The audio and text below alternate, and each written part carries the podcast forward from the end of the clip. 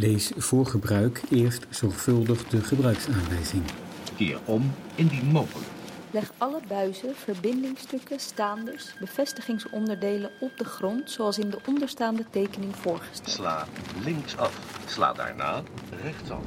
To secure pull on the loose end of the strap. Drie manieren om onder de 10 euro een drie gangenmaal te maken. Haal de antikalk cassette J uit de watertank door op de cassette ontgrendelknop K te drukken. Instellen. Na 300 meter aan het eind van de weg. Vijf manieren om extra bruin te worden. Hey guys, welcome back to another video. Today Na 300 meter op de rotonde. Neem de eerste afrit. Stel in door de kroon in de gewenste richting te draaien.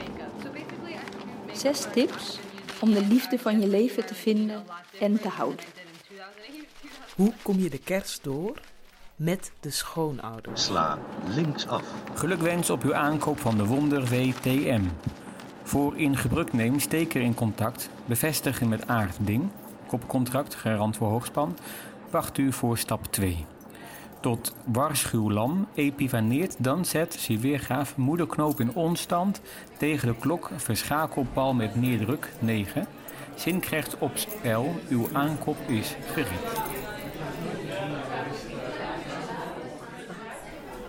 Ik eh, wa- was dit weekend in Nijmegen. eh, ik was daar in een hotel, onder andere. En ehm, ik stond op de lift te wachten. Het duurde heel lang.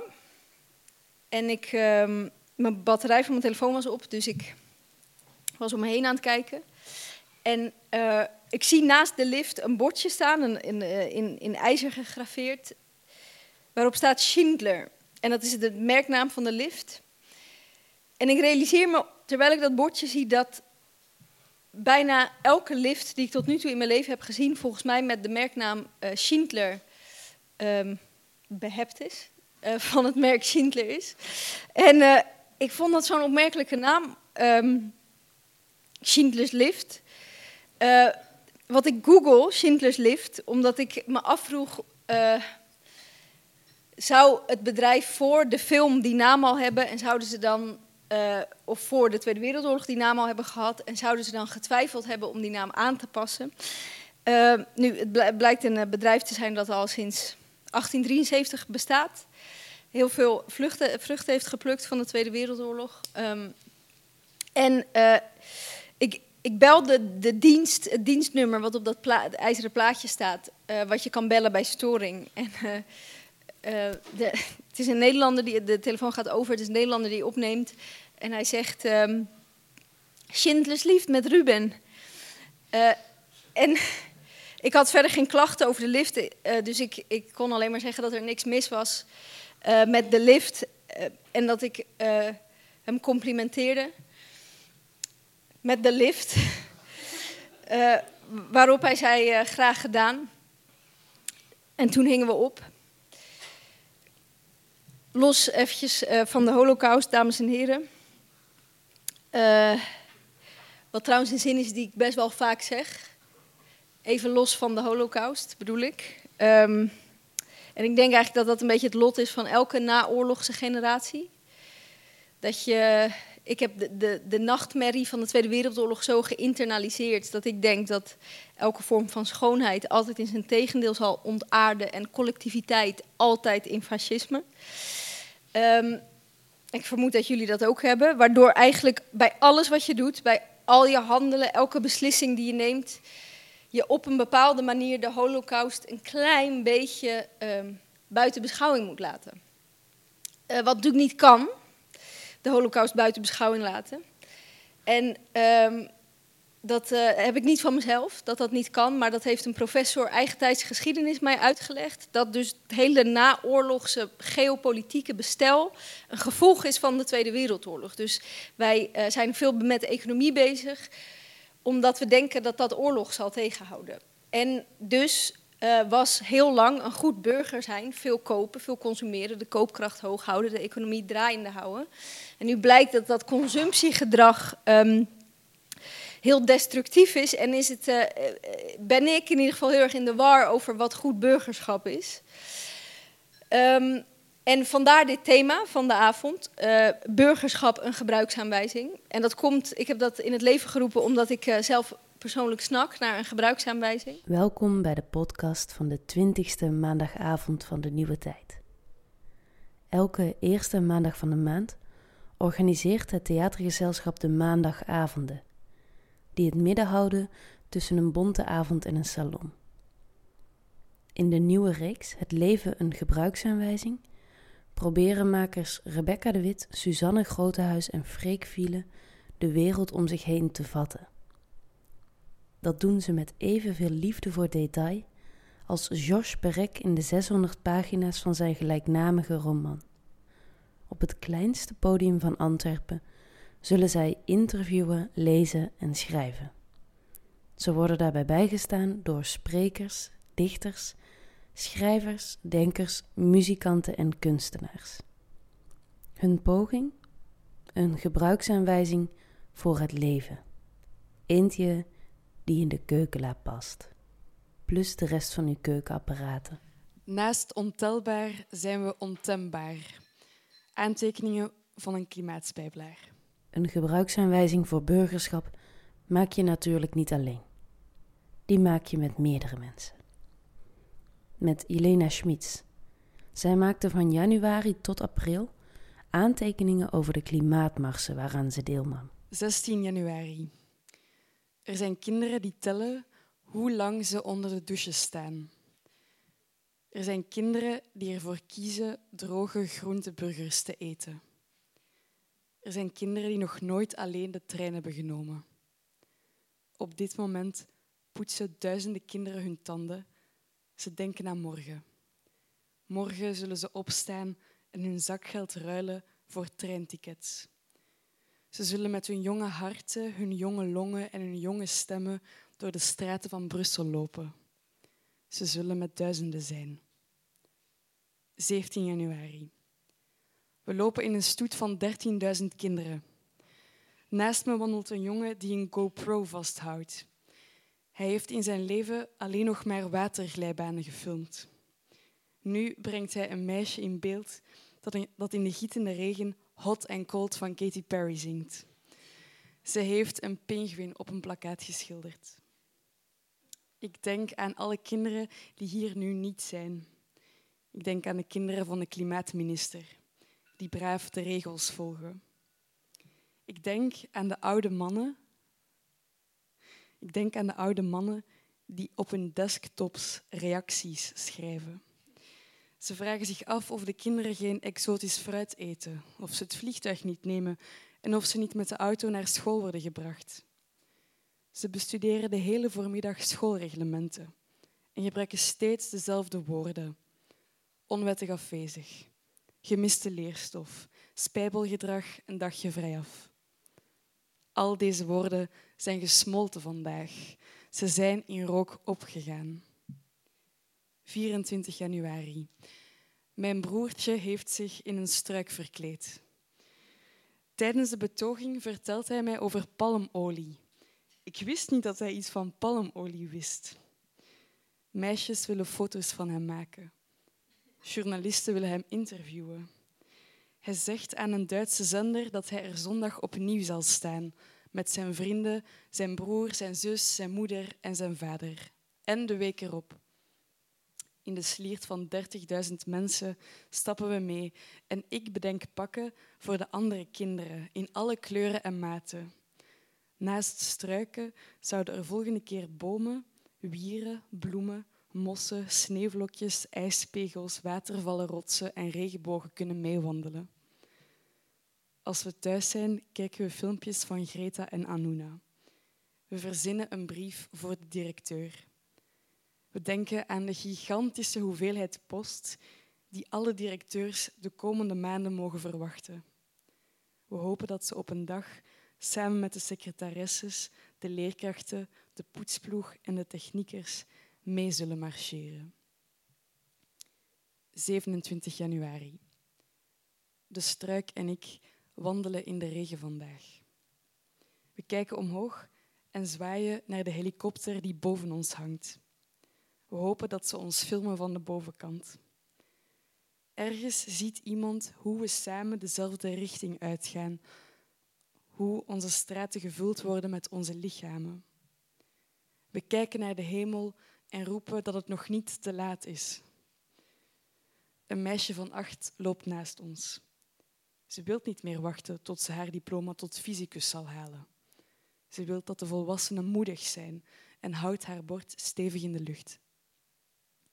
Ik beeld me in hoe de man in de helikopter probeert te tellen met hoeveel we zijn. Ik beeld me in hoe hij hardop cijfers zucht, kinderen over het hoofd ziet, de tel kwijtraakt en het opgeeft. Naast ontelbaar zijn we ontembaar. Zonder paraplu wandelen we door. We wandelen in de regen, in de hitte, in de sneeuw. We wandelen met onze moeders en onze achterkleinkinderen in ons achterhoofd. We wandelen op zondag, we wandelen op donderdag en de donderdag erna en erna. Het bord van de struik is aan vervanging toe. Er is geen splinter in ons die opgeeft. 1 februari. De kinderen die meelopen worden steeds kleiner en kleiner. Ze zijn immuun voor wijzende vingertjes. Ze zijn resistent voor leerkrachten die in de gang sissen dat ze op het einde van het jaar spijt zullen hebben. Ze hebben geen spijt. Ze dragen hun vlaggen alsof ze op de openingsceremonie van de Olympische Spelen lopen. Hun huid is sterk en jong, hun ruggengraat recht. In hun longen zitten Franse kreten. Tous ensemble, roepen ze. Ze hadden er nog nooit van gehoord, maar op weg naar huis neurien ze Louis Neefs met Laat ons een bloem. 14 februari. Vandaag zijn de kinderen niet uit de turnzaal te houden. Ze komen op straat en gooien wereldbollen de lucht in.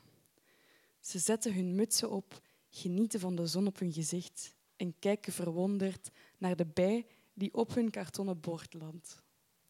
Het gebeurde echt, bij een meisje dat een gele zon op haar bord had getekend. Ondertussen zitten er nog steeds mensen in kantoren, wagens, kantines, aulas, kabinetten en lerarenkamers. Ze halen hun schouders op en mompelen iets over een complot. Op televisie en in de kranten schudden ze de volgende woorden uit hun mouw: debat, draagvlak, realisme, politiek, neutraliteit, responsabilisering, kostenefficiëntie, kaping, technologie. Ze bedenken samen de term groene kerk. Ze peuteren in hun neuzen en debatteren over de verlichting. Maar wij marcheren voort. Wij verkleden ons in struiken. De bijen staan aan onze kant. 21 februari. We waren er vandaag voor de zevende keer. We werden geïnterviewd door de Portugese en Estse televisie. Tussen ons liep een overgrootvader voor het klimaat. Hij had een groen A4'tje geprint waarop stond protesteren voor de aarde. Ik ben vader, grootvader en overgrootvader voor het klimaat. Veel kinderen droomden dat ze zo'n overgrootvader hadden. Ze maakten er selfies van. Ik zag een bord waar iemand de groetjes deed. Ik zou ook nog de groetjes willen doen. Groeten aan het meisje met de twee vlechten, aan het leger van telelenzen, aan mijn broer die er vandaag niet bij kon zijn, aan alle overgrootvaders, aan alle achterkleinkinderen, aan alle struiken, ijsberen en hittegolven en ook aan alle zeurende mensen op Facebook. Het was een fantastische dag vandaag. De zon scheen en duizenden mensen wandelden voor het klimaat. 15 maart. Er liep een grootvader achter me. Hij had thuis op twee kleine briefjes zijn boodschap voor de wereld geschreven.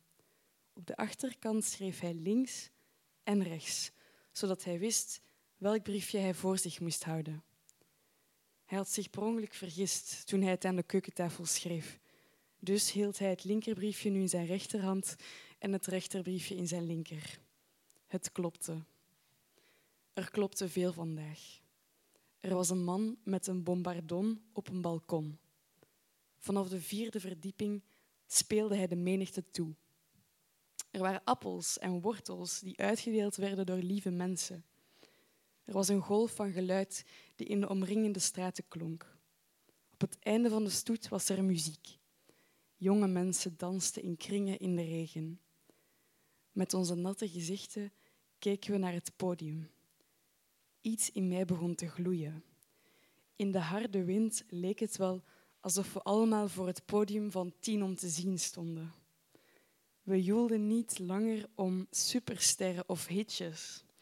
We gooiden onze handen in de lucht voor het klimaat. Wat ooit gezien werd als een saai en verplicht onderdeel uit de aardrijkskundeles, veranderde vandaag in een feest. Oma's droegen bloemen in hun haren. 25 maart. Het was een hele rustige zondag. Ik at eieren met mijn ouders, las een boek en keek buiten naar de bomen in de zon.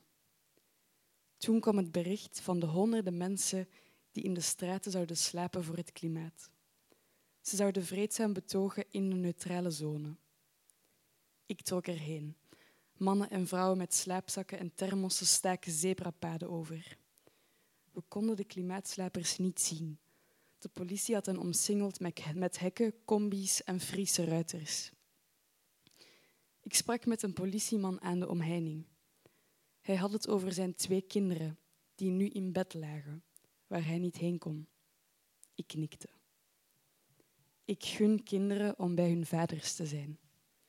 Maar ik gun kinderen ook om schone lucht in te ademen, in bomen te klimmen en sneeuwpoppen te maken.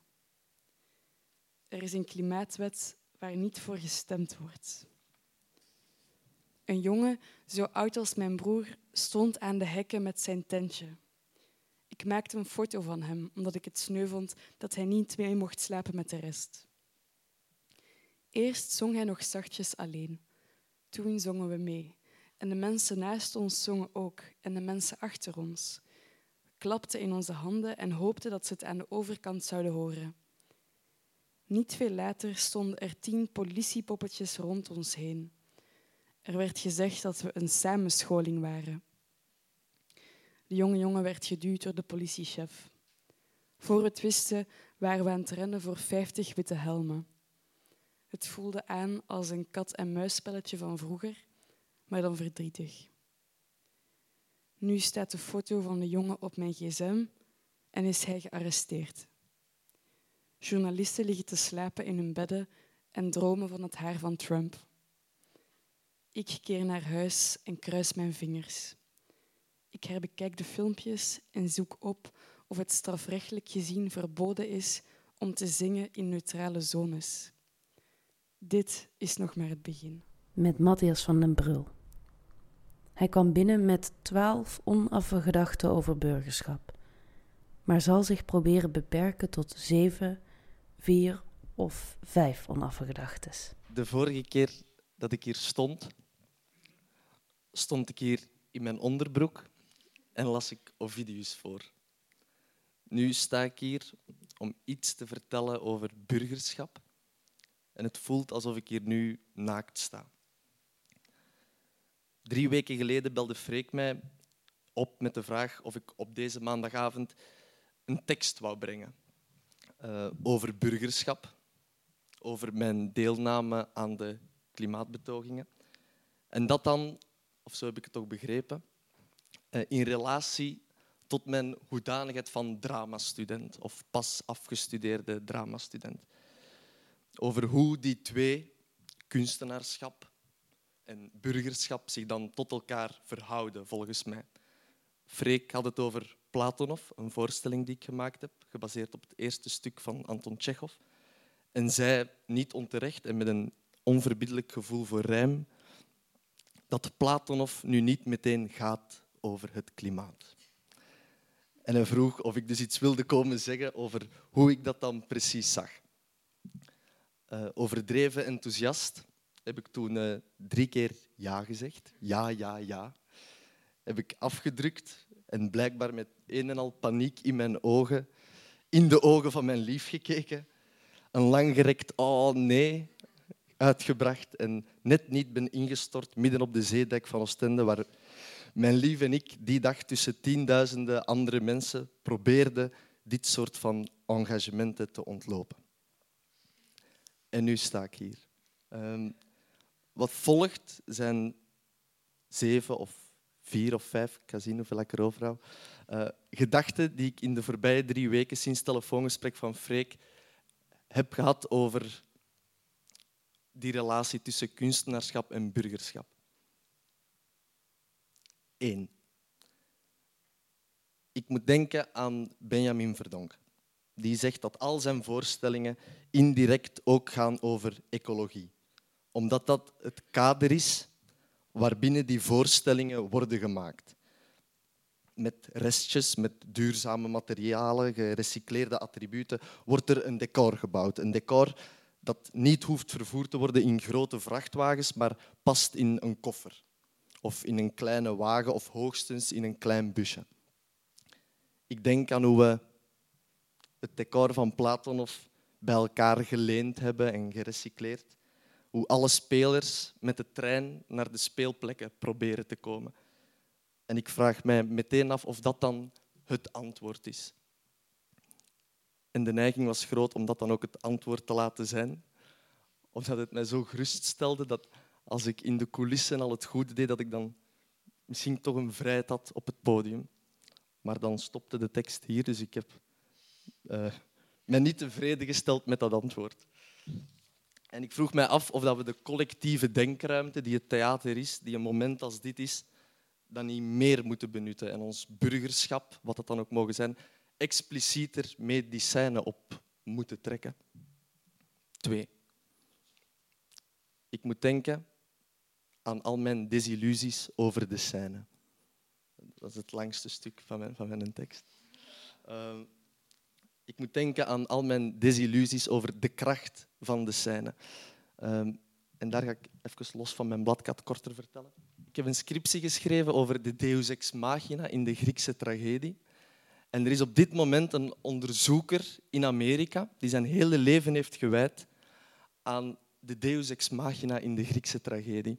En hij is op iets gebotst wat misschien wel de grootste teleurstelling over burgerschap in het theater zou kunnen zijn.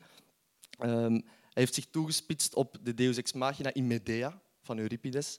Uh, een stuk over een moeder die haar twee kinderen vermoordt. Nadat haar man, Jason, omwille van berekening en machtsuitbreiding trouwt met een andere vrouw, de dochter van de koning.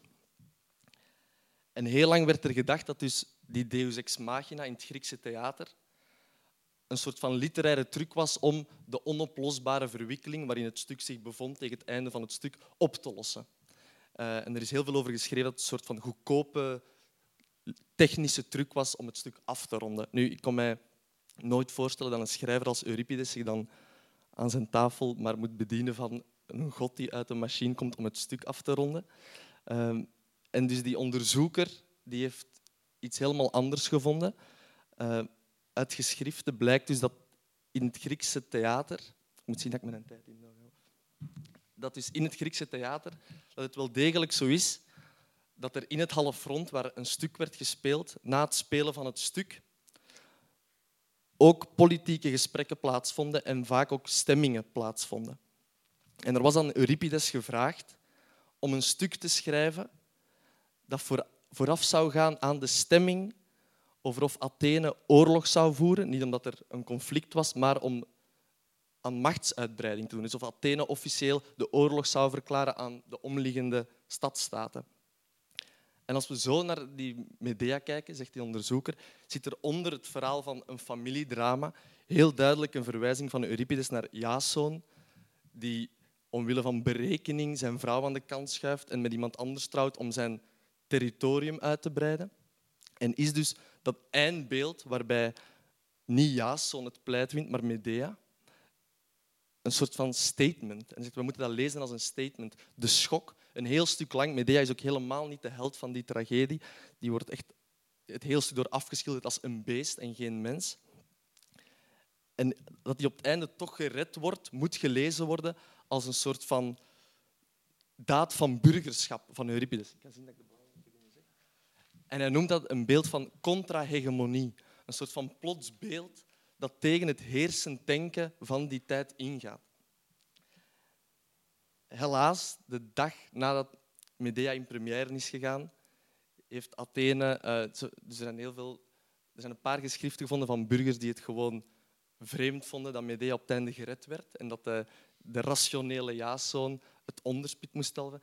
En na de première van Medea ehm, hebben ze gestemd om de oorlog aan te gaan en is de grootste oorlog van de vijfde eeuw voor Christus uitgebroken. En heeft Euripides zich teruggetrokken in een grot. Eh, ja, desillusies. Ehm, en hij heeft daar eigenlijk nog ongeveer 50 contra-hegemonische tragedies geschreven, die altijd eindigen met een deus ex machina, waarin de niet verwachte wordt gered door een god. Helaas zonder veel impact. Dat was twee. De volgende zijn veel korter. Drie. Ik denk aan impact. Mijn lief, die eerst geneeskunde studeerde en nu drama, zegt om de zoveel tijd dat ze veel meer het gevoel had impact te hebben op de wereld als arts dan als artiest. Dat herhaalt ze nog een keer terwijl we daar op de zeedijk van Oostende lopen. Ik zeg dat arts in het Engels art is. Ze lacht. En ik denk, gevoel voor humor heeft toch ook een zekere impact. Daardoor denk ik aan Tsjechov, die dokter was. En dan dokter en toneelschrijver. En uiteindelijk alleen nog maar toneelschrijver. En in zijn dagboeken, uit de periode dat hij beide was, schrijft hij dat hij na zijn rondes als dokter overdag, na de ellende en de huidziektes, iets wilde schrijven dat troost biedt, dat de schouwburg doet glimlachen en dat de empathie aanscherpt. Ik vraag mij af hoe zwaar de glimlach van die volle schouwburg voor hem woog als hij het naast het redden van een hartpatiënt legde. Ik denk aan de opmerkelijke inconsequentie. Het feit dat Tsjechov-stukken hoe langer hoe meer doordrenkt raakten van een inertie, van gestolde dromen, van nooit in Moskou geraken, terwijl hij als persoon hoe langer hoe meer bekend stond als een vooruitgangsoptimist die overal vrijwilligerswerk deed, scholen en klinieken bouwde en bossen aanplantte. Vier. Ik denk kort, niet te lang, over mijn eigen inconsequentie. Ik heb deze tekst vier keer uitgeprint, omdat ik vond dat ik het recht had om het hier dan enigszins helder eh, over dingen als ecologie kon komen hebben. Ik denk aan hoe ik zowel Platonov belangrijk vind als aanwezig zijn op de klimaatbetogingen. En ik weet niet hoe ik die gerijmd krijg als ik aan consequentie moet denken. Ik denk na over hoe moeilijk het moet zijn om het op een podium over ecologie te hebben, zonder verweten te kunnen worden inconsequent te zijn. Het kan niet anders, lijkt mij. En ik denk eraan dat het ook grappig is dat we iemand die een stuk maakt over de liefde nooit zouden verwijten dat hij in het echte leven alles fout doet in de liefde. En ik stel voor om de gedachte van consequentheid te vervangen door oprechtheid. Ik kan oprecht iets zeggen op een podium over de liefde en oprecht fouten begaan op de zeedijk van Oostende. Ik kan oprecht proberen spreken over ecologie en oprecht fouten maken in het echte leven. En dan mijn laatste puntje. Ik denk aan de meest inconsequente en de meest oprechte man die ik ooit heb gekend. Mijn grootvader. Ik denk uh, aan wat hij ooit heeft gezegd en wat tot op de dag van vandaag indruk op mij aan het maken is. En in mijn herinnering waren het uh, de laatste woorden van mijn grootvader, uh, kettingroker, terwijl hij op zijn sterfbed lag. Nu, volgens mijn grootmoeder gisteren heb ik het helemaal mis. En waren zijn laatste woorden, mag ik nog een stuk crickethart en is er nog champagne? Uh, waarschijnlijk heeft ze gelijk, mijn grootvader kennende, maar toch blijf ik ergens hopen dat het toen was dat hij mij het heeft gezegd. Namelijk, en zo heb ik het toch onthouden, dat is echt een belangrijke zin eigenlijk, dat het concept van een samenleving het dichtste is dat de mens ooit bij de onsterfelijkheid zal geraken. Dat het concept van een samenleving het dichtste is dat de mens ooit bij de onsterfelijkheid zal geraken. Dat doordat wij ons als levend persoontje vastklikken aan dat groter organisme, aan die samenleving. Dat we daardoor deel van iets beginnen uitmaken wat niet ophoudt als iemand sterft. En ik weet dus niet meer zeker of hij het mij heeft gezegd, maar ik weet wel nog dat er toen iets gebeurde, toen ik dat voor de eerste keer voor mij zag. Alsof wij, het is een metafoor? Uh, alsof wij als een soort van berkenboom in een woestijn staan. Dus dat kan al niet, maar het is een metafoor. En dat wij op wandel gaan op zoek naar een bos om ons bij aan te sluiten. En dat wij daar dan dat, dat bos een leven lang mee vormgeven en overeenkomen met andere takken en sapstromen regelen. En dat we dan, als we sterven, vergaan en het doorlevend bos achterlaten en het nog een laatste duwtje in de rug geven door de grond met wat van ons rest nog een beetje vruchtbaarder te maken. En dat we dus eigenlijk nog altijd bos zijn, altijd bos zullen blijven. En omdat goed burgerschap volgens Freek alleen bestaat bij de gratie van liefde, gaat de muziek op deze maandagavond over liefde. De muziek is van Subterranean Street Society.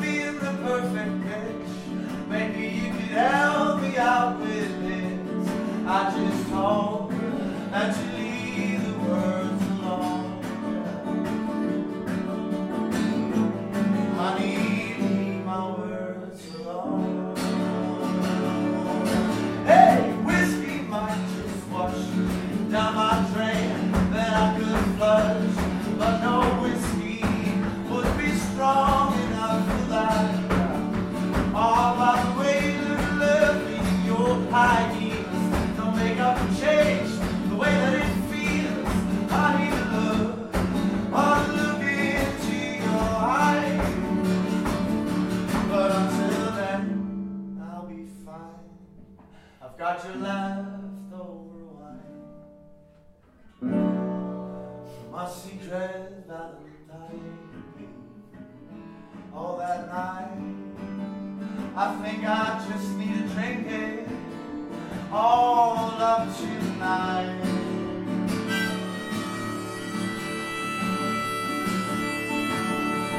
Don't you know my age? I only know your face but it's all I really need to know.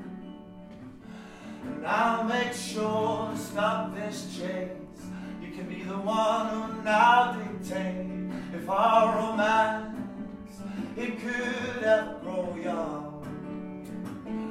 But until then, I'll be fine. I've got you laughing over wine our secret Valentine. Honey and I, I think I'm drinking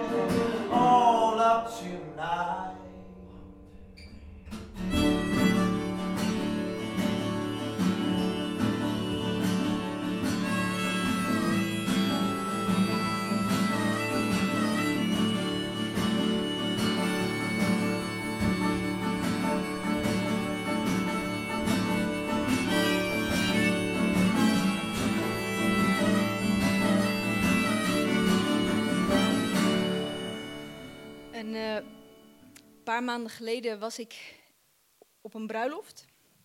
En zat ik tijdens het diner aan een ronde tafel met allemaal mensen die ik niet kende. En op een gegeven moment komt er een ober aan die tafel staan met een salade geroosterde groenten. En die vraagt, wie was de vegetariër? En de vrouw naast me steekt haar hand omhoog. En hij zet die salade neer en hij verdwijnt. En op het moment dat hij verdwenen is, komen er uit allerlei hoeken en gaten van die feestzaal 20, misschien wel 30 obers met gigantische schalen sperrips die op alle eh, tafels worden neergezet. Ook bij ons, en het is stil, we kijken allemaal naar die salade geroosterde groenten. Die er nu uitziet als een soort vermoeide activist. Die het heeft afgelegd tegen een leger sperrips. Ehm, en eh, een andere vrouw aan die tafel zegt dan tegen die vrouw, tegen die salade, dat was me eigenlijk niet helemaal duidelijk. eh, nou ja, wel, goed dat jij je zo vasthoudt aan eh, jouw waarheid. En op zich was dat best wel een, een, een eh, vrij onbeduidend moment. De reden dat ik dit hier eh, vertel vanavond is omdat mij op tv werd gevraagd: voor welk probleem zou jij over 15 jaar graag een oplossing zien? En ik daar toen niet echt een goed antwoord op had. En ik graag wraak zou willen nemen op dat moment door alsnog een antwoord te formuleren. En ehm, ik vertel het ook omdat ik denk dat wat ik ga zeggen te maken heeft met het niet alleen kunnen. Welk probleem hoop ik over 15 jaar opgelost te zien? Ik pak hem terug vanaf de vragen. Uh, welk probleem wil jij over 15 jaar opgelost zien? Ik hoop dat over 15 jaar niemand meer zegt. Wel goed dat jij je zo vasthoudt aan jouw waarheid. En niet, bedoel, het, hoeft, het hoeft niet gecensureerd te worden, het moet niet verboden worden. Uh, ik hoop gewoon dat dat over 15 jaar niet meer in mensen opkomt. Dat het niet meer gedacht wordt. En uh, u vraagt zich misschien af waarom dat een probleem is, die uitspraak. Want zo klinkt het natuurlijk niet. Het klinkt als een soort aanmoediging of grootmoedige erkenning zelfs voor andermans gedachten, gevoelens, principes. Maar het is eigenlijk het tegendeel. Het is een schijnerkenning. Het is zeggen, ik kan me echt voorstellen dat dat echt zo voelt. Echt zo is zelfs. Voor jou. En impliciet zeg je dan, maar het is niet echt zo. Het is alleen maar voor jou zo. Alsof het feit dat die vrouw vegetariër was, met haar karakter te maken heeft. Met de bedrading in haar hoofd. Door te zeggen, dat is dan jouw waarheid, zet je een hek om iemand heen en isoleer je hem van de wereld. En devalueer je al zijn denken en handelen, denken en handelen tot iets particuliers, tot iets privé. Zeggen, dat is dan jouw waarheid. Daardoor zeg je dat de ander geen deel uitmaakt van het grotere geheel. Geen deel uitmaakt van de waarheid. Geen deel uitmaakt van de wereld, alleen maar van zijn wereld. Nu zou je kunnen zeggen dat zo'n schijnerkenning op zich niet zo erg is. Niet zoveel mis mee. Uh, ik denk zelfs dat het, het, feit dat we nu allemaal veroordeeld zijn tot het eiland van onze eigen waarheid. Uh, ik denk dat dat feit, of het feit dat we dus veroordeeld zijn tot onze eigen waarheid, heel lang de allerbeste oplossing was. De allerbeste oplossing voor het feit dat we met z'n allen opgesloten zaten in de waarheid van ideologie, van de kerk, instanties die allemaal een soort monopolie op de waarheid hadden. Een monopolie waar heel veel misbruik van werd gemaakt. Een monopolie wat heel gewelddadig was. Dus laat duidelijk zijn, ik ben heel dankbaar dat mijn voorouders bommetjes onder het idee van dat monopolie hebben geplaatst. Waardoor dat monopolie uiteen is gespat in miljoenen eilanden. Waardoor er veel meer plaats is. En ik zelf mag bepalen wie ik lief heb. Wat ik waar vind. Ik hoef me niks meer aan te trekken van de buurman. De buurman hoeft zich niks meer van mij aan te trekken. We hoeven niet gebukt te gaan onder elkaars waarheden. Heel lang was dit de allerbeste oplossing. Om, om je terug te trekken in een eenpersoons waarheid, bed, geloof, huis. In een eenpersoons gedachten. En anderen daar absoluut niet mee lastig te vallen. Het allerbeste voor iedereen. Maar wat als die allerbeste oplossing ineens een probleem wordt? Wat als die allerbeste oplossing een politieke situatie heeft gecreëerd die heel destructief is voor alles wat leeft? De wereld is namelijk in een vrij rap tempo aan het polariseren, is al lang extreem gepolariseerd. En overal uh, zorgwekkende polarisatie en overal worden dan projecten uit de grond gestampt om ons uit onze ideologische bunkers te halen. Het grote gelijk.be, kunnen we praten.nl, awarenessdays.com. Overal worden projecten eh, uit de grond gestampt om ons uit onze ideologische bunkers te halen, maar dat lukt nauwelijks. En ik heb het gevoel dat dat komt omdat we zoveel tijd op dat eigen eiland hebben doorgebracht, waardoor we nauwelijks meer naar buiten durven. En als we dan naar buiten gaan, naar een bruiloft bijvoorbeeld, en we de hele avond aan tafel zitten met allemaal mensen die we niet kennen, als we dan naar buiten gaan, dan worden we binnen de kortste keren weer teruggestuurd naar dat eigen eiland of die bunker van onze eigen waarheid, waardoor het op zich ook niet zo verwonderlijk is dat we inmiddels een soort Stockholm-syndroom zijn gaan ontwikkelen met onze eigen waarheid. Dat we die zo zijn gaan koesteren dat we niet doorhebben dat die ons gijzelt. Nu, ik weet niet wat de oplossing is hiervoor. Ik weet niet wat de oplossing is, maar ik weet wel wat het probleem is. Als wij een eigen waarheid moeten handhaven aan een tafel vol sperrips, dan worden we gek. Als wij elkaars waarheid niet als deel van het grotere geheel beschouwen, niet als deel van de puzzel, maar als een soort hersenspinsel van een particulier iemand, en als we dat keer op keer tegen elkaar zeggen, dan worden we gek. En een psychotherapeut die ik daarover sprak, die zei, ja, je wordt ook gek. Iemand die psychotisch is, die heeft zijn eigen waarheid. Dat is de definitie daarvan. Het probleem is alleen dat we ondertussen heel slecht zijn geworden in spreken met mensen met wie we het niet eens zijn. En er is onderzoek naar gedaan uh, wat er in onze hersenen gebeurt als we praten met iemand met wie we het niet eens zijn. Die mensen kregen elektroden op hun hoofd. En de gesprekken die gevoerd werden, dat, die gingen over grote problemen, wicked problems. Zoals klimaatverandering, vluchtelingenproblematiek. En ik weet niet wat er op die monitor te zien was, maar die onderzoeker zei over dat onderzoek dat het leek alsof wanneer we praten met iemand met wie we het niet eens zijn, al onze stoplichten in ons hoofd op rood gaan. Helemaal op rood, waardoor we niet meer luisteren en er niks meer binnenkomt. En als we praten met iemand met wie we het eens zijn, gebeurt precies het omgekeerde. Gaan alle stoplichten op groen en vragen we door en mag alles binnenkomen. Nu, ik denk op zich niet dat mijn voorouders dit voorzien hadden. Dat als we allemaal op eigen eilanden zouden gaan leven, dat we het zouden verleren om samen te leven. Dat we het zouden verleren om andermans waarheden te verdragen, te dragen. En dat dat ondertussen catastrofale gevolgen heeft voor alles wat leeft. Um, begin dit jaar verschijnt het Global Risk Report. En dat is een rapport waarin de grootste bedreigingen voor deze planeet in kaart zijn gebracht. En met stip bovenaan, boven eh, onvrijwillige grootschalige migratie, boven verval van ecosystemen, boven kernwapenwetlopen, met stip bovenaan staan mislukte klimaatafspraken.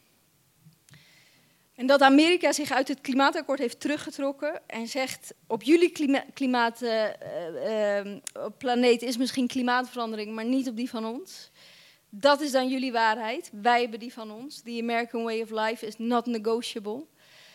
Dat Amerika denkt zich onafhankelijk te kunnen maken van deze planeet en, en zich hult in een illusie van onafhankelijkheid maakt dat klimaatafspraken mislukken. En dat is volgens dat rapport de grootste bedreiging voor de planeet op dit moment. Alleen die vrouw die dat onderzoek had gedaan met die elektroden, zei dat als we problemen willen oplossen die zoveel groter zijn dan wij zelf, zoals klimaatverandering, wij niet zonder elkaar kunnen. We hebben elkaar alleen al nodig om de omvang van het probleem in kaart te brengen. Wij zijn deel van hetzelfde gebied. En we moeten elkaars perspectief op de wereld, positie in de wereld, niet devalueren tot iets persoonlijks, maar beschouwen als een stukje van het grotere geheel, als deel van de puzzel. En om die puzzel te kunnen leggen, hebben we iedereen nodig, zegt die onderzoeker, zegt dat rapport. En dat is wat mij betreft um, behoorlijk slecht nieuws dat we elkaar nodig hebben. Omdat het zo fucking moeilijk is om samen een puzzel te leggen. Om met elkaar opgescheept te zitten. Ik bedoel, het is niet voor niks dat we allemaal op eigen eilanden zijn gaan leven. Het is niet voor niks dat ik elke keer als ik mijn familie zie opgelucht weer naar huis ga. We zijn er zo fucking slecht in. En er is geen alternatief. Tenzij we de situatie zoals die nu is, met een extreem gepolariseerd debat en een falend klimaatbeleid, tenzij we de situatie zoals die nu is als een aanvaardbaar uh, alternatief beschouwen. En ik, ik bedoel, ik weet het ook niet, hè. laat dat duidelijk zijn. Ik weet niet wat er een betere tekst zou zijn geweest aan die bruilofttafel. Wat we nu de oplossing van ieder zijn eigen waarheid uitgewerkt is, in feite tegen ons werkt, tegen de hele planeet werkt. Ik weet niet wat we zouden kunnen zeggen. Ik weet niet wat wereldleiders zouden kunnen zeggen. Of die in een soort geopolitieke relatietherapie moeten, zodat hun stoplichten op groen komen te staan. Ik denk niet dat dat de oplossing is. Ik ben wel benieuwd wat het zou opleveren. Geopolitieke relatietherapie. Bestaat nog niet. Ik heb het gegoogeld. Uh, dat wil zeggen, de, de domeinnaam Geopolitical Relationship Therapy is nog niet geclaimd. En um, als iemand zich geroepen voelt, ik denk dat het sowieso geen kwaad kan. Ik weet niet of er daarmee betere keuzes gemaakt zullen worden, of politici daarmee uit de illusie van onafhankelijkheid zullen worden geholpen. Ik denk wel dat zij aan het einde van de keten staan en wij aan het begin. Ik bedoel dit. Misschien als wij onszelf uit die illusie van onafhankelijkheid helpen, dat de politiek daar geen gebruik meer van kan maken. En als we aan een tafel zitten bij een bruiloft over 15 jaar en we kennen elkaar niet, dan hoop ik wel echt dat mijn stoplichten anders functioneren. Dat ik het niet in mijn hoofd haal om te zeggen, nadat iemand een bekentenis heeft gedaan, oké, nee, maar dat is dan jouw waarheid omdat ik vermoed dat als mijn stoplichten anders functioneren, dat de ander dan sowieso binnenkomt. Waardoor zijn waarheid deel wordt van mij, van ons allemaal. En het uiteindelijk, denk ik, onmogelijk wordt om te denken dat wij niet samen het grotere geheel zijn. Ik weet niet of dit een goed antwoord is op je vraag, maar um, in die richting zat ik een beetje te denken qua probleemoplossing.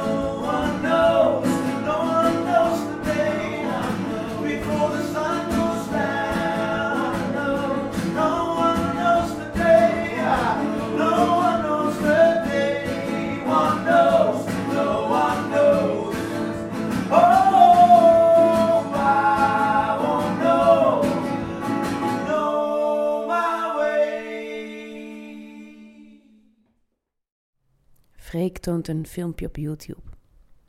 Het is een TED-talk waarin er wordt verteld over een fairness study. Twee kapucijnaapjes zitten naast elkaar in een kooi. Ze krijgen een eenvoudige opdracht. Ze moeten een steen geven aan de verzorgster. De eerste doet de opdracht en krijgt daarvoor een stukje komkommer, die het kapucijnaapje zonder problemen gulzig opeet. De tweede doet de opdracht en krijgt daarvoor een druif. Voor een kapucijnaapje is een druif een veel grotere lekkernij dan een stukje komkommer. Op het moment dat het eerste aapje ziet dat zijn soortgenoot een grotere beloning krijgt, gebeurt er iets opvallends. Het kapucijnaapje komt in protest tegen de oneerlijke beloning. en gooit het stukje komkommer terug en begint tegen de kooi te slaan. This is uh, basically the Wall Street protest you see here. En um, zegt hij, en eigenlijk als je dit filmpje googelt, kom je op heel veel sites terecht van vooral linkse politici die eigenlijk aan willen tonen dat het hier gaat over dat de natuur van de mens is om niet tegen onrechtvaardigheid te kunnen. Maar als ik eerlijk ben, zie ik geen aap die niet tegen onrecht kan. Ik zie vooral een aap die ontevreden is, omdat zijn buurman meer krijgt dan hij. En ik snap het eerlijk gezegd niet zo goed, het gedrag van de ontevreden aap. Waarom voldoet het stukje komkommer plots niet meer als zijn buurman een druif krijgt? Smaakt het minder goed in één keer? Het is toch hetzelfde stukje komkommer? Waarom lukt het de aap niet om tevreden te blijven met zijn eigen stukje komkommer? Nadat u uh, voor de pauze Rebecca heeft horen praten over stoplichten die op rood springen, en nadat uw hart is opengezongen door de Subterranean Street Society, dacht ik vandaag een stuk te schrijven over mijn rood stoplicht. Over wat er gebeurt als bij mij de stoplichten op rood gaan. Dus uh, verwacht geen pleidooi voor vredelievendheid, maar veel rode stoplichten. Vlak voor de parlementsverkiezingen in Nederland vorig jaar, van vorig jaar las ik een groot interview met Jan Roos in de Volkskrant. Jan Roos kent u niet en dat moet u zo houden. Jan Roos is een soort beroepsmopperaar. Maar dan niet van het sympathieke, quasi-grappige Jan Mulder-achtige soort, maar van de soort die in het zuurbad van ongenoegen heeft gemarineerd altijd klaar om als eerste in het bordje van de ander te kijken om te zien of die niet toevallig iets meer heeft gekregen dan de ander, om dat dan vervolgens luidkeels schande van te kunnen spreken. En na daar een aantal jaren als columnist zijn geld mee te hebben verdiend, had hij nu besloten de politiek in te gaan. Ontevredene aller landen verenigt u. En in aanloop naar de verkiezing had hij een heel groot interview gekregen in de Volkskrant. Hij sprak over wat er allemaal mis was in Nederland. Bijna alles. En wiens schuld dat was. Bijna iedereen. De regering, links, Europa, de media, de moslims, de wetenschap, de kunst, het onderwijs. Iedereen eigenlijk, behalve het volk. Dat enkel slachtoffer was en wiens ongenoegen hij nu zo eloquent mogelijk probeerde te verwoorden. En hij kwam te spreken over Denk. Ook Denk kent u wellicht niet. Dat is een nieuwe partij die wordt geleid door Kuzu en Osturk. Twee mensen van Turkse komaf die de Turkse gemeenschap willen vertegenwoordigen in het Nederlands parlement. En hij had al het hele interview lang schande gesproken over van alles. Maar dit was toch wel echt bespottelijk. Als zij hier zo ontevreden zijn, zei hij, dan gaan ze toch terug naar Turkije. Ik dacht, raar. Je spuwt zelf twee pagina's lang gal over Nederland. Je zegt dat je daarom de politiek ingaat. En als Kuzu en Osturk de politiek gaan om dezelfde redenen, zeg je dat ze ondankbaar zijn en dat ze maar naar hun eigen land moeten gaan als ze zo ontevreden zijn hier. Bijna alsof hij vond dat zij minder recht hadden op hun ontevredenheid. Alsof hun ontevredenheid een minderwaardig soort ontevredenheid was. En ze gewoon hun mond moesten houden of oprotten. Twee weken geleden zag ik in de zevende dag Philip de Winter was daar uitgenodigd om samen met de jongere voorzitter van de CD&V, Sami Madi, en de imam van de grootste moskee in Gent, Khalid Benadou, te spreken over de aanslagen op de moskee in Nieuw-Zeeland. Hoe groot is de dreiging van rechtsextremisme, was de vraag daar. En Philip de Winter was uitgenodigd om de rechtsextremisten te verdedigen. En hij deed dat met verven. Niet met verven, maar zeer goed. Het is niet dat hij ging vingerverven. Nee, hij deed het met verven. Zo goed deed hij dat, dat het gesprek van de 49 doden in Nieuw-Zeeland al snel overging naar de vraag of de islam wel te verenigen was met onze westerse normen en waarden. Waarbij hij onder andere doelde op het feit dat wij in het Westen geen aanslagen plegen, zoals de moslims. Ondanks dat het dus dat het gesprek was gestart vanuit het feit dat nu juist dat was gebeurd. Zij zijn hier de gast, zei hij. Tegen Sami Madi en Khalid Benadou. De moslims zijn naar ons land gekomen en dan is het toch normaal dat ze zich aanpassen. Sami Madi zei dat hij geboren was in Vlaanderen, dat hij Vlaams is en niet hier de gast. Maar de winter bleef stellig. Dit land is niet van hen. Met dezelfde boodschap is Thierry Baudet in Nederland aan zijn opmars bezig. Het land is van de blanken. Het land is van ons. De mensen met de kleuren komen hier bij ons naar binnen. Zij willen hier wonen, zij willen hier leven en zij willen hier meebeslissen. Zij willen dat wij veranderen. Zij willen alles van ons afpakken. Onze banen, onze huizen, onze dochters, onze gebruiken, onze feesten, onze zwarte piet, onze woorden zelfs. Je mag niet meer zeggen wat je denkt. Ik dacht altijd dat het een gekke uitspraak was, want ik dacht, we mogen hier toch vrijwel alles zeggen wat je denkt, totdat ik erachter kwam dat sommige mensen zulke gekke dingen denken, dat het inderdaad zo is dat je dat soort dingen niet mag zeggen. Dit is niet nieuw, zo'n Thierry Baudet, maar juist dat is zo pijnlijk. Soms zijn er momenten waarop ik denk dat we van binnen allemaal hetzelfde zijn. Dat wij als mensheid maar een bepaald aantal emoties hebben en dat we afhankelijk van de levensloop tot eenzelfde soort liefde, angst of haat zouden komen als een willekeurig ander met dezelfde levensloop. En dat we dus van binnen, diep van binnen, allemaal gelijk zijn. Maar het gevoel dat we worden belaagd, of dat dit land van mij is, meer dan van iemand anders, ken ik niet. En wellicht denken jullie nu ook, dit land is ook niet van jou, Nederlander. Maar ook bij Nederland voel ik niet dat ik speciale rechten zou moeten blijven hebben, puur omdat mijn voorouders een paar honderd jaar eerder er zijn, ergens zijn dan iemand anders voorouders. Ik snap die emotie niet. En om de holocaust niet buiten beschouwing te laten, ik snap niet dat je in de Tweede Wereldoorlog echt mensen had die Joden hebben verraden. Ik snap dat niet. Mensen die ze kenden, mensen die ze niet kenden, mensen die andere mensen doelbewust naar de dood hebben geleid. Dat dat echt, echt gebeurd is. En niet omdat ze bang waren of onzeker over een maatschappelijke positie in een globaliserende wereld met een afkalvende middenklasse. Maar gewoon omdat ze dat wilden. Ik snap niet dat iemand in Nieuw-Zeeland een moskee binnenging om biddende mensen dood te schieten. Ik snap niet dat er daarover gejuicht werd op talloze Facebook, Twitter en andere internetpagina's. Al die emoties over mijn land, mijn volk en wie daar dan bij mag horen en wie niet, komen me zo vreemd over, zo niet menselijk of zo niet zoals ik mijn mens zijn ervaar. Of eigenlijk, als ik nu toch eerlijk ben, denk ik gewoon als ik de winter hoor spreken, wat zijn er toch een aantal klootzakken op de wereld. Dat is mijn rood stoplicht.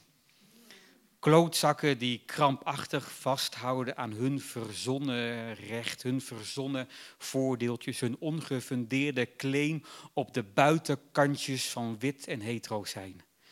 Klootzakken die vanuit een veilige huis, gebouwd door 50 jaar welvaart, in hun krant kunnen lezen over bootvluchtelingen die niet meer worden gered door de EU als ze verdrinken in de Middellandse Zee en blij zijn met elke vluchteling die sterft. Klootzakken die de anderen niets gunnen. Klootzakken die gokken met de leefbaarheid van het klimaat van onze kinderen en kleinkinderen, omdat ze bang zijn om iets te verliezen. Terwijl de waarheid is dat je met niks geboren wordt en met niks zult sterven. En dat je in de tussentijd mag hopen iets van liefde, plezier, enthousiasme, spanning te ervaren of te geven. We zijn het feestje. En als wij het niet gezellig maken, is het geen gezellig feestje. En als zij het leuk maken, is het best aangenaam. Ik snap dat de ontevredenheid van de komkommerkrijgers door de jaren heen de motor is geweest van veel verbeteringen. Het was uit ontevredenheid met hun positie dat de vrouwen, de arbeiders zijn geëmancipeerd. Het is vanuit de ontevredenheid van de arbeidsomstandigheden dat de verzorgingsmaatschappij is opgericht. Ik had het alleen echt leuk gevonden, het filmpje, als de druivenaap zijn druif gewoon had gedeeld. Omdat hij het onrechtvaardig had gevonden dat de ander minder kreeg dan hij. Dat het onrechtvaardig had gevonden dat hij meer kreeg in plaats van het onrechtvaardig is dat de ander minder krijgt. Het is denk ik daarom dat ik zo droevig word van de Jan Rozen, de De Winters, de Baudets, de Bart Wevers en vooral van de mensen die op hun stemmen. Ze zien niet hoe overladen we zijn met druiven. En uit de pure angst dat ze iets zouden verliezen, weigeren ze te denken over het delen van de druif, over het, over, over het veiligstellen van de druiven voor de volgende generaties. De 10 miljard mensen die er straks op deze aarde leven, zullen dat samen moeten doen. En ik geloof dat dat niet anders kan, dat dat alleen kan als ieders grootste zorg is dat de ander niet per ongeluk minder druiven krijgt dan jij. De toekomst zal duurzaam, multicultureel, geëmancipeerd en veganistisch zijn. De rest is een doodlopende weg van zure ontevredenheid.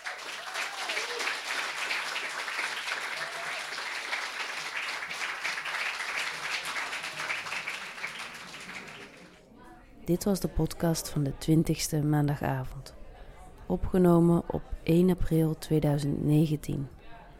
U hoorde teksten van schrijver en podcastmaker Jelena Schmitz, theatermaker en acteur Matthias van der Brul, van Freek Viele en Rebecca de Wit.